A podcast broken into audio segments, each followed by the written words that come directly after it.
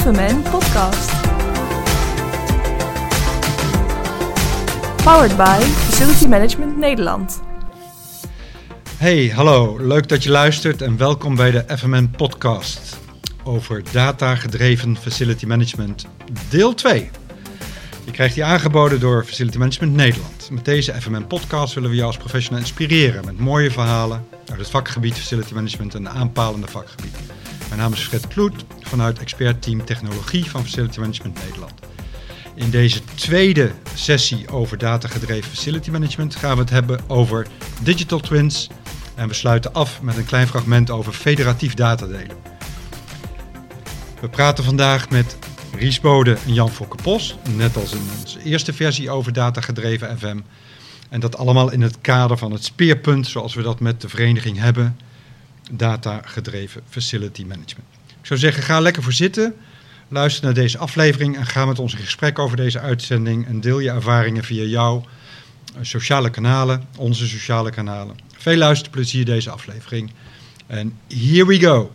Digital Twins. Um, Ries, voor dit gesprek gaf je aan Digital Twins zie ik in een drie uh, onderwerpen uiteenvallen. Digital Twins voor omgeving, steden, Digital Twins voor ontwerp en realisatie en Digital Twins tijdens de gebruiksfase. Waar Jan Fokker dan weer uh, het onderwerp simuleren bijvoorbeeld bij haalde. En what if. Um, Ries, Digital Twins. Wat moet een FM'er daarmee? Uh, ja, dat is een mooie vraag. De Digital Twins, uh, is, er wordt heel veel over geschreven op het moment. Uh, je, kan, uh, laten we zeggen, slaan maar een blad open en er staat iets over in. Dus wat ik wel mooi vond was pas geleden kwam er iets langs en daarin werd uitgelegd, de Digital Twin bestaat niet. Nou, dat is natuurlijk wel interessant. Dus bij een digital twin is het belangrijk om je af te vragen waarom wil ik eigenlijk een digitale tweeling maken van een object. Nou, daar komt eigenlijk een beetje die driedeling vandaan die je net aanhaalde. Wat we, waarin we denk ik al vrij ver in zijn in de, in de geo-informatiewereld is digitale tweelingen maken van een complete omgeving van gebouwen aan de buitenkant. Ja, dat doet het Rijksvastgoedbedrijf ook, hè? Weginfrastructuur, eh, daar is al van alles van. Ja, met drones natuurlijk allerlei mooie opnamen te maken. Dus ik, dat vind ik eigenlijk de eerste categorie digitale tweelingen waar we nu ervaring mee opdoen. Uh, de tweede categorie waar we al het nodige aan doen in de ontwerpfase, dat is de digitale tweeling van een gebouw, van een object. En dan met name in de ontwerpfase met virtual reality van goh, dit is hoe het zou kunnen worden, loopt er doorheen. Maar als je naar buiten kijkt, dan zie je niks. Want er is eh, geen omgeving. Dus als we nu in staat raken om die digitale tweeling van het object te koppelen, te combineren met die digitale tweeling van de omgeving, dan kunnen we niet alleen van binnen naar buiten kijken, maar dan kunnen we ook zien waar we dan naar kijken en hoe dan het uitzicht eruit ziet, hè, om maar eens wat te noemen. Uh, dus dat vind ik eigenlijk de tweede categorie. En de derde categorie, dat vind ik de digitale uh, twin in de gebruiksfase. Dus hele, stel je hele andere eisen. Uh, we hadden het in vorige gesprekken over, ehm, nou er gaat iets stuk en er komen allerlei busjes langs. Dus ik droom dan van een digitale twin waarin je als, als aannemer heb je een onderhoudscontract en dat onderhoudscontract vraagt dat, je, eh, dat jij een aantal dingen regelt in het kader van dat object. En dat er in dat object dus allerlei metingen plaatsvinden. En dat je als onderaannemer in staat bent om die uh, meetinformatie op te halen. Met behulp van een API, een Application Programming Interface, op het Facility Management Systeem. Met een digitaal certificaat, zodat alleen die partijen die daartoe gemachtigd zijn ook die informatie kunnen ophalen en niet uh, Jan, Piet en Klaas van de Hoek. Uh, nou, dat zijn we eigenlijk nu aan het ontwerpen. In ja, want dat is inderdaad, uh, Ries, want jij, jij zegt dit, Ries Bode, namens? ik ben programmadirecteur van het Digitaal Stelsel Gebouwde Omgeving. Precies. Ja. Ja. Dus hier zijn we inderdaad druk mee bezig. Hier ben je druk mee bezig. En over dat uh, programma Digitaal Stelsel Gebouwde Omgeving daar hebben we weer een link op de website staan om uh, te duiden uh, wie je bent. Met een link ook naar jouw uh, LinkedIn profiel, zodat iedereen weet wie je bent. Jan Fokke, wat vind jij van Digital Twins? Ja, ik, ik, denk dat ik ook even met name inhaak op het derde punt, zoals je dat noemde. Dat, ik, ik, moet zeggen, dat is echt een prachtige toekomst natuurlijk waar we naar kijken. Ook, ik ben dan maar nederig, zeg maar, als, als Planon, waar ik dan ook uh, werk, uh, zijn we dan maar een klein schakeltje, maar wel een hele relevante zou ik zeggen. Want in een software systeem voor het uh, gebouwbeheer en facility management ja, leg je natuurlijk alle processen vast die eigenlijk in een gebouw mogelijk kunnen zijn. Hè. Dus op het moment dat iemand een melding maakt, wie, wie is dan degene die het op mag volgen? om welk gebouw gaat het dan? Welke ruimte gaat het dan? Welke asset gaat het om? Is er nog garantie aanwezig? Is er nog... Dus al die afspraken liggen eigenlijk vast in zo'n systeem. Maar essentiële onderdelen zijn ook het, het, hebben van die gemodelleerde omgeving. Dus eigenlijk het, het, het fysieke object, maar dan in een digitaal uh, weergave, wat we dan BIM noemen. Uh, maar ook anderzijds komt natuurlijk de IoT-laag erbij. Hè, de, het, en het stukje sensoring. Dus dat vertelt eigenlijk iets over het gebruik van het gebouw. Ja, de bezetting. Want ook dat is natuurlijk heel relevant. Hè? Als je dat busje, even weer een leuk voorbeeld denk ik. Als je dat busje langs laat komen en uh, ergens in die verdieping waar je storing wil oppakken, op, op, op, is een hele belangrijke vergadering bezig met uh, 100 man. En, en, dus je kunt daar amper komen, omdat het eigenlijk niet toegankelijk is of het verstoort een heel belangrijk proces. Ja. ja. dan kun je daar eigenlijk ook afstemmen van ja, misschien moet ik even na, ja. na de tijden dat die vergadering plaatsvindt uh, langskomen. Dan ja. verstoor ik zo weinig mogelijk. En het maakt natuurlijk ook nog heel veel uit of het dan een standaard kantoor is of een ziekenhuis bijvoorbeeld. Exact. Ja. Uh, ook daar mag je niet zomaar uh, rondlopen als monteur. Zeg maar. Dan heb je allerlei afspraken die dan gelden. Nou, eigenlijk al die dingen kunnen we natuurlijk digitaliseren. We kunnen al die informatie bij elkaar brengen. Dan hebben we denk ik over een, een, een digital twin. waarbij ik denk ook nog wel een tweede aspect is.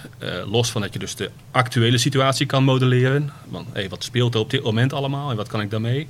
Zou je ook een stukje simulerende uh, ding kunnen doen. Dus een digital twin die ook kan, kan helpen bij what if. Dus als ik zeg van... Dat is wat Ries, wat ook bedoelt met het ontwerp dan, of niet? Ja, dus daar zit dat haakje weer eigenlijk mee. Van als jij bedoelt nou... misschien ook het ontwerp tijdens het gebruik om, om inrichting of werkplekomgevingen te veranderen. Ja, maar dat is denk ik de cyclus waar we naartoe gaan. Ja, heel veel mensen denken dat ontwerp uh, heel groot is, dat er een, een, leeg voetbalveld uh, hè, of een leeg veld, daar wordt weer een nieuw gebouw opgezet. Uh, dat is, maar het, er zitten natuurlijk veel meer iteraties in het dagelijks beheer. Ja. Hè, elke keer dat er een, een, iets, een meubelstuk wordt verplaatst, verandert eigenlijk de fysieke omgeving weer. Ja, of nieuwe, er komen nieuwe bedden in een ziekenhuis. De oude, oude assets, bedden als asset, als object gaan eruit. En alle nieuwe modellen, modellen ja. van dat asset moeten erin. Exact, en, en de waarde daarvan wordt echt onderschat. Hè? Dat dat eigenlijk uh, om heel veel uh, grote hoeveelheden gaat. En ook, ook heel veel geld en impact op het milieu. Ja. Dus om dat soort stromen ook te verbinden aan dit soort initiatieven, denk ik dat dat heel waardevol is.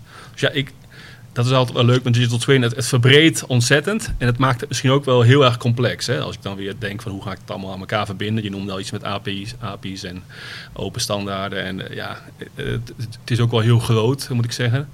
Maar uh, ja, ik denk dat we dat in kleine sub-verbeteringen, uh, ja, dat, we wel samen aan het werk zijn.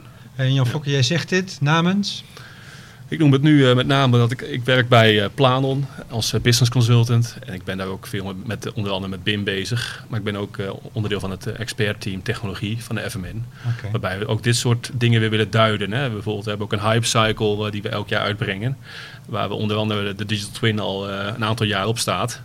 En ik weet niet precies waar die nu staat, maar het zou zomaar kunnen zijn ergens in een dal. Uh... de Trouble Dissolution. ja, misschien wel. Uh, nou, nu gaat het gebeuren dan. Precies, er komt een moment dat het eruit komt en dan moeten we denk ik met z'n allen bij zijn. Ook. Ja, en of je het nou BIM noemt, of je noemt het Asset Information Modeling, of het gaat eigenlijk om het, het modelleren van objecten in een x-y-z-coördinaten en dat kan dan een, een gebouw vormen, het kan een werkomgeving vormen. Maar het heeft functionaliteit uiteindelijk. Ja, maar ik denk, de, kijk, op het moment dat je het allemaal nu zou verzinnen, dan zou je daar heel veel energie in moeten stoppen. Hè? Want ik bedoel, uh, ik heb voor mezelf ook wel eens een verbouwing uh, gepland uh, bij me thuis. En dan moet ik, begin ik echt vanuit niks, want er is niks. Dan moet je alles gaan uitmeten met een lint en nou ja, laserscanners misschien. Maar het voordeel natuurlijk van dingen als zoals BIM, is dat bij een project wordt dat al gedaan. Hè? Er is al toegevoegde waarde in, in het verkennen van de omgeving. En er wordt al met GIS-applicatie gekeken van hoe ziet de grond precies eruit. En mogen we daar boren of niet? Mogen we daar palen slaan of niet? En al die informatie die wordt heel vaak weer, verliest eigenlijk weer zijn waarde. Omdat we dat, de volgende partij daar geen behoefte aan heeft. En nu kun je het eigenlijk met z'n allen combineren. Dus het groeit gewoon Ja. op basis van hele logische processen. Je kunt er een stelsel, een keten ja, van precies. maken. En, Ja. je, je hoeft niet meer die informatie kwijt te raken. nee. Ja, ja. Dan kijk je naar eh, simuleren in termen van eh, onze verduurzamingsopgave of eh, circulariteit. Eh, zie je dat ook al voor je, dat, eh, dat je het daarvoor kan gaan gebruiken? Nou ja, zeker weten. Ik denk dat eh, ja, ook dat is even lastig. Kijk, alle nieuwe projecten. Er wordt nu heel veel aan materiaalpaspoorten gewerkt. Hè, om alle Ja. nieuwe gebouwen te voorzien. Dat je precies weet wat er allemaal in zit. Zodat je aan het einde van de levenscyclus weet wat er precies uitgehaald kan worden. Eh, die uitdaging ligt natuurlijk ook wel bij de bestaande omgeving nog. Van hoe, hoe weten we daarvan? Eh, nou, dat is natuurlijk echt. dat, dat geeft uiteindelijk wel heel wat uitdaging om dat uit te gaan zoeken. Maar ik denk wel op het moment dat je ergens begint met die nieuwbouw. Ja, dan komen we daar op een gegeven moment toch wel aan toe. Ja, ik heb ook een heel mooi voorbeeld eh, vanuit het internationale project Facility Management Open BIM, wat we vanuit FMN ook zijn gestart. Dat is eh, voor de business catering. Er, er zijn wereldwijd 1500 leveranciers van eh keukenequipment. Die hebben een open BIM-standaard volgens Building Smart International met IFC. Dat, heet, dat project heet IFSEBIM, ifsebim.org. En met die standaarden die zij hebben, met de data dictionaries en parameters, et cetera, kun, kun je dus keukens voor kantoren of eh, ziekenhuizen bijvoorbeeld ontwerpen, maar ook simuleren.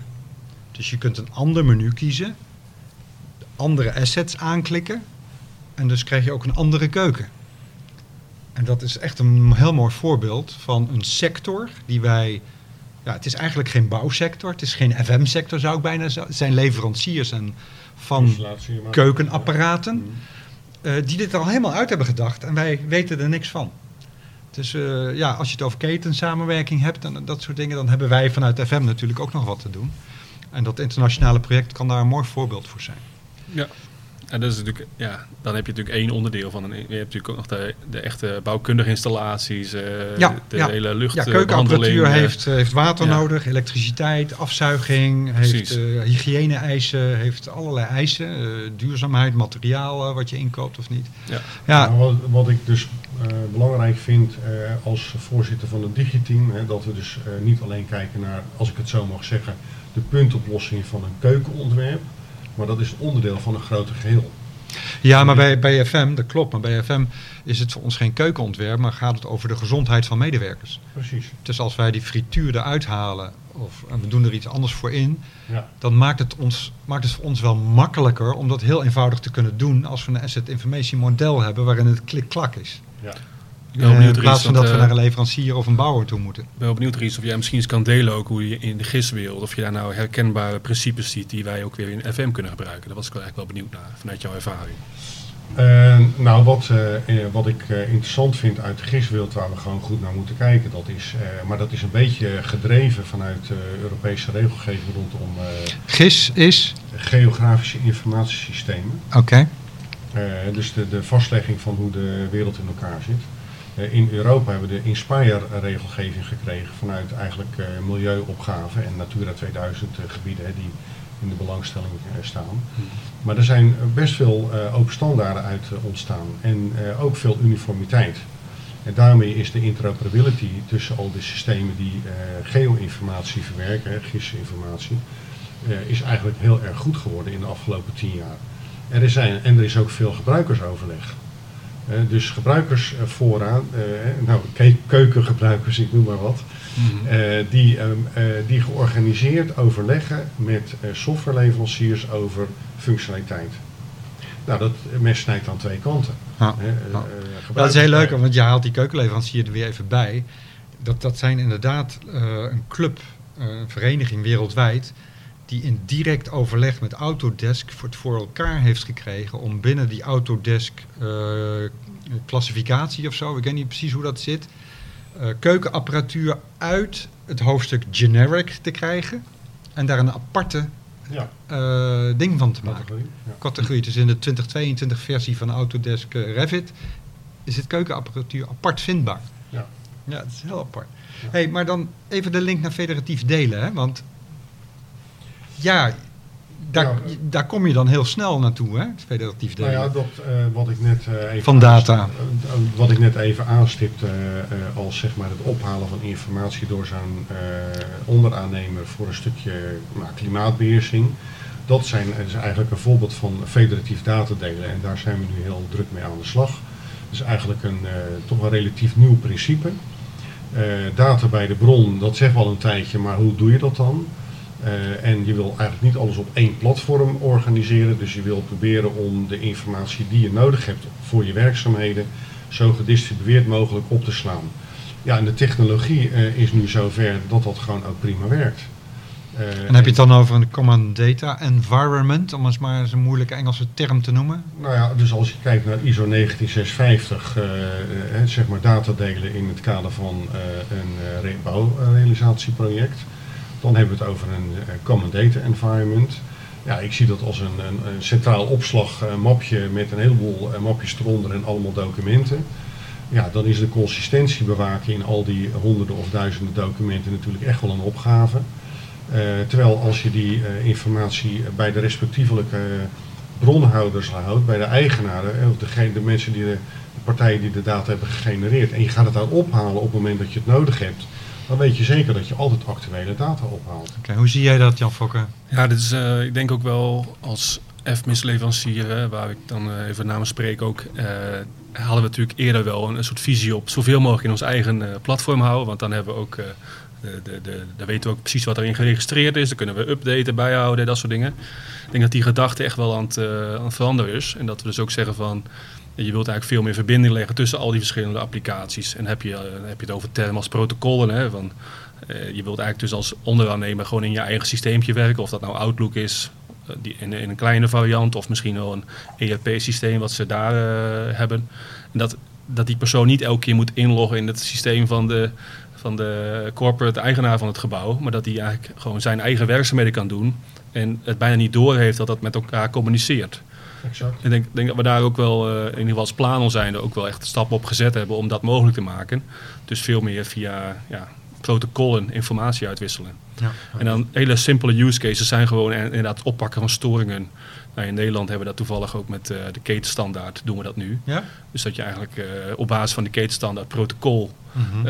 ja, data kan uitwisselen met je leveranciers. En dat hoeft, dan hoeft dus een leverancier niet meer een apart systeem of in ieder geval te integreren met een systeem van, eh, Ja. van ons, maar gewoon met een Ja. eigen systeem kan blijven werken. En en Ja. een van de belangrijke aspecten in FM is dat, dat ruimtebeheer, hè? Eh, room, space, Ja. de, waar, waar die assetjes allemaal in samenkomen, zeg maar. Ja. Hoe, verhoudt dat zich tot? Data?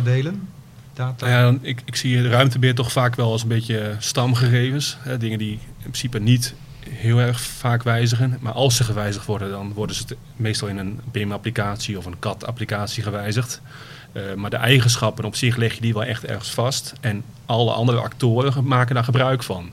Eh, dus het is veel ge- gerefereerd naar die ruimte. Hè. Als iemand een storing oppakt, dat je weet van hoe die ruimte heet, Ja. hoe je er komt, eh, hoe je navigatie naartoe gaat. Dat je dat eigenlijk met elkaar uitwisselt. Maar dat het zeker wel ergens in een systeem natuurlijk gewoon vastgelegd wordt van... hé, hey, wat, is, welk, wat is het kamernummer? Eh, welke verdieping is het? Welk gebouw? Welke geocoördinaten ik zie het dus wel een gedeeld belang. Ries, is daar ook een versnellingsproject van, van dat federatief data delen? Of, of hoe, kan, hoe kan facility management daarbij betrokken worden? Nou, dat is hartstikke leuk om over door te praten. eh, maar ehm, het digitaal stelselprogramma, dat creëert nu zeg maar de randvoorwaarden. Ja. We doen eigenlijk drie activiteiten naast elkaar. Eén is dit tot rust. Praat ik met de juiste computer en wat, eh, wat voor autorisaties heeft die computer bij mij. Twee is datamodellering. Nou, dan praten we over eh, Building Smart International of, of ISO-normen of eh, nou, alles wat er gaande is op het gebied van standaardisatie. Eh, en het eh, derde niveau is transacties. Dus wat jij net beschrijft van de, eh, de communicatie met die leveranciers van materialen, dat is eh, DICO, berichtenverkeer, met de ETIM, datastandaard. Ja, ja.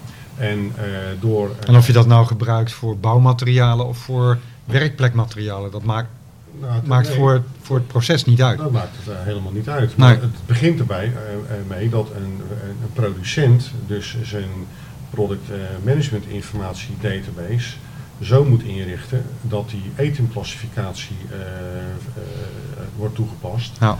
En dat die DICO berichtenverkeer, dat hij dat ook kan hanteren. Ja. En, en dat komt een beetje uit het, de, de elektrotechnische groothandelwereld. Hè. Die zijn er al heel lang Mhm. geleden mee begonnen, met enorme volumes.